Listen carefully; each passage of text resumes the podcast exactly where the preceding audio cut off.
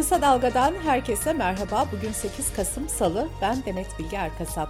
Gündemin öne çıkan gelişmelerinden derleyerek hazırladığımız Kısa Dalga bültene başlıyoruz. Bursa'da dün sabah saatlerinde büyük bir uyuşturucu operasyonu düzenlendi. 70 adreste 110 kişiye yönelik operasyonda en az 95 şüpheli gözaltına alındı.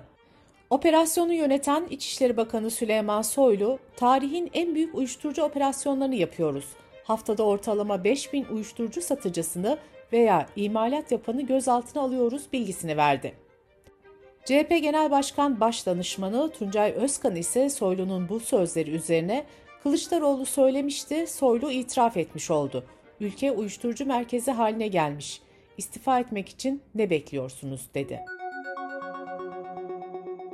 Anayasa Mahkemesi öğretmenlerin eşit işe eşit ücret ilkesini bozduğu ve ayrımcılığa neden olduğu gerekçesiyle tepki gösterdiği Öğretmenlik Meslek Kanunu ile ilgili CHP'nin başvurusunu yarın ele alacak.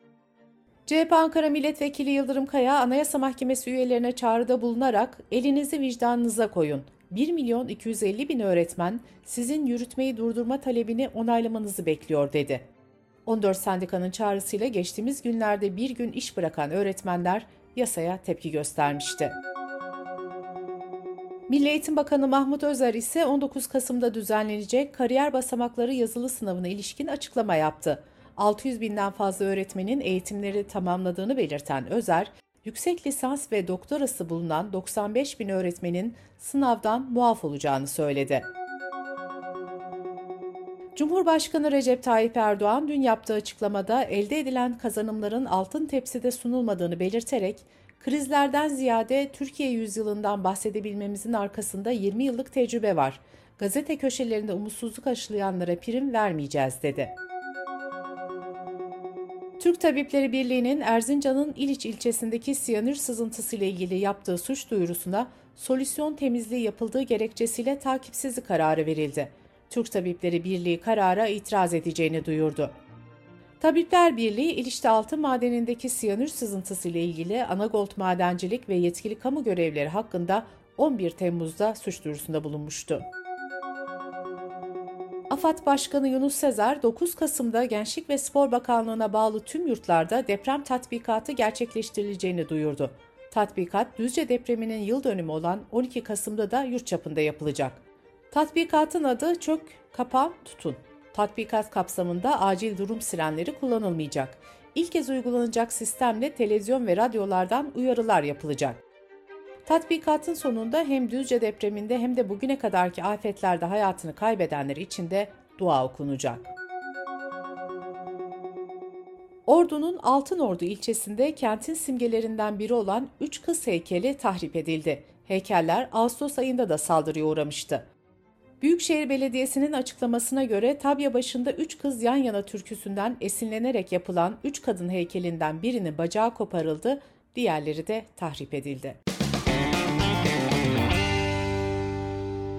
Kısa Dalga Bülten'de sırada ekonomi haberleri var.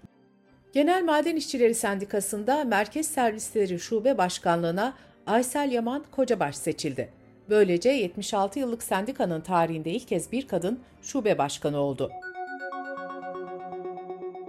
Yükselen kurla birlikte banka borçlarında çıkmaza giren bazı alışveriş merkezleri kredi borçlarının faizini bile ödeyemeyecek noktaya geldi. Türkiye'deki AVM'lerin toplam banka borcu 12 milyar doları bulurken bunun %88'inin döviz olduğu belirtiliyor. Dünya Gazetesi'nden Yener Karadeniz'e konuşan Ece Türkiye Eş Genel Müdürü Nuri Şapkacı, bankalara geçen AVM sayısının 60-70'i bulduğunu söyledi. ABD'nin Wall Street Journal gazetesi, Facebook, Instagram ve WhatsApp'ın çatı şirketi Meta'nın çarşamba günü büyük çaplı işten çıkarmalar yapmaya başlayabileceğini yazdı. Gazetenin haberine göre işten çıkarmaların Meta'nın binlerce çalışanını etkilemesi bekleniyor. Elon Musk'ın satın almasının ardından Twitter'da da çalışanların yarısı işten çıkarılmıştı. Dış politika ve dünyadan gelişmelerle bültenimize devam ediyoruz. Ukrayna Devlet Başkanı Zelenski, Rusya'nın ülkesinin enerji altyapılarına yönelik saldırılarını artıracağı uyarısında bulundu. Zelenski, altyapı hasarı nedeniyle ülke genelinde 4,5 milyon aboneye elektrik verilemediğini bildirdi. Tahran yönetimini Rusya'ya insansız hava aracı tedarik etmekle suçlayan Zelenski, İran'ın silah tedariki olmasaydı şimdi barışa daha yakın olurduk dedi. Bu arada ABD merkezli Wall Street Journal gazetesi Ulusal Güvenlik Danışmanı Sullivan'ın gerilimin daha da tırmanmasını önlemek amacıyla Rus yetkililerle gizli görüşmeler yaptığını öne sürdü. Tarım ve Orman Bakanı Vahit Kirişçi, Ukrayna'nın limanlarından ihraç edilmesine izin verilen tahıl miktarının 10 milyon tonu geçtiğini söyledi. Bakan Kirişçi, bu tahılın 6 milyon tonunun yani %60'ının Avrupa ülkelerine gittiğini belirtti. Bakanın aktardığı bilgilere göre tahılın sadece %27'si Asya ülkelerine, %13'ü de Afrika ülkelerine gitti. En az gelişmiş ülkelere ulaşan tahıl oranı sadece %5.9 oldu. Bakan Kirişçi, Cumhurbaşkanı Erdoğan'ın bu durumu Endonezya'da düzenlenecek G20 zirvesinde de gündeme getireceğini belirtti. İran İnsan Hakları Kurumu ahlak polisi tarafından katledilen 22 yaşındaki Mahsa Amini'nin ölümünün ardından başlayan eylemlerde güvenlik güçlerinin saldırıları sonucu hayatını kaybedenlerin sayısının 304'e yükseldiğini açıkladı. Raporda hayatını kaybeden göstericilerden 41'inin 18 yaşın altında, 24'ünde kadın olduğu belirtildi. İran İnsan Hakları Aktivistleri Ajansı'nın haberinde ise gösterilerde şu ana kadar 38 güvenlik görevlisinin hayatını kaybettiği belirtildi. Ülke genelinde devam eden eylemlerde 10 binden fazla kişinin gözaltına alındığı belirtiliyor. Almanya'da hükümetin 1 Ocak'ta yürürlüğe koymayı planladığı vatandaşlık parası uygulamasına muhalefetten red geldi. Hristiyan Demokrat Birliği'nin lideri Friedrich Merz, uygulamanın yürürlüğe girmesi halinde kendisinden sorumlu olan vatandaşın giderek yardım alan vatandaşa dönüşeceği değerlendirmesinde bulundu. Federal hükümetin planladığı vatandaşlık parasının 1 Ocak'tan itibaren bir yıldan uzun süredir işsiz olan kişilere ödenen sosyal yardımın yerini alması bekleniyor.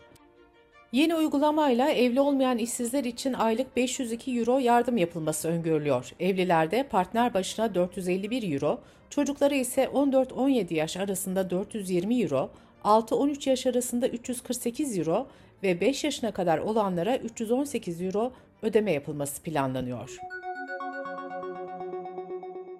İngiliz bilim insanları laboratuvar üretimi olan kanı klinik çalışma kapsamında ilk kez insana nakletti. Birkaç yemek kaşığı miktarındaki kanın vücutta nasıl işlevi göstereceği test edilecek. Çalışma, hayati önemde olan ama çok nadir görülen kan gruplarını üretme amacını taşıyor. Araştırmacılar ileride daha az miktar, daha az aralıklı kan bağışına ihtiyaç duyulabileceğini öngörüyor.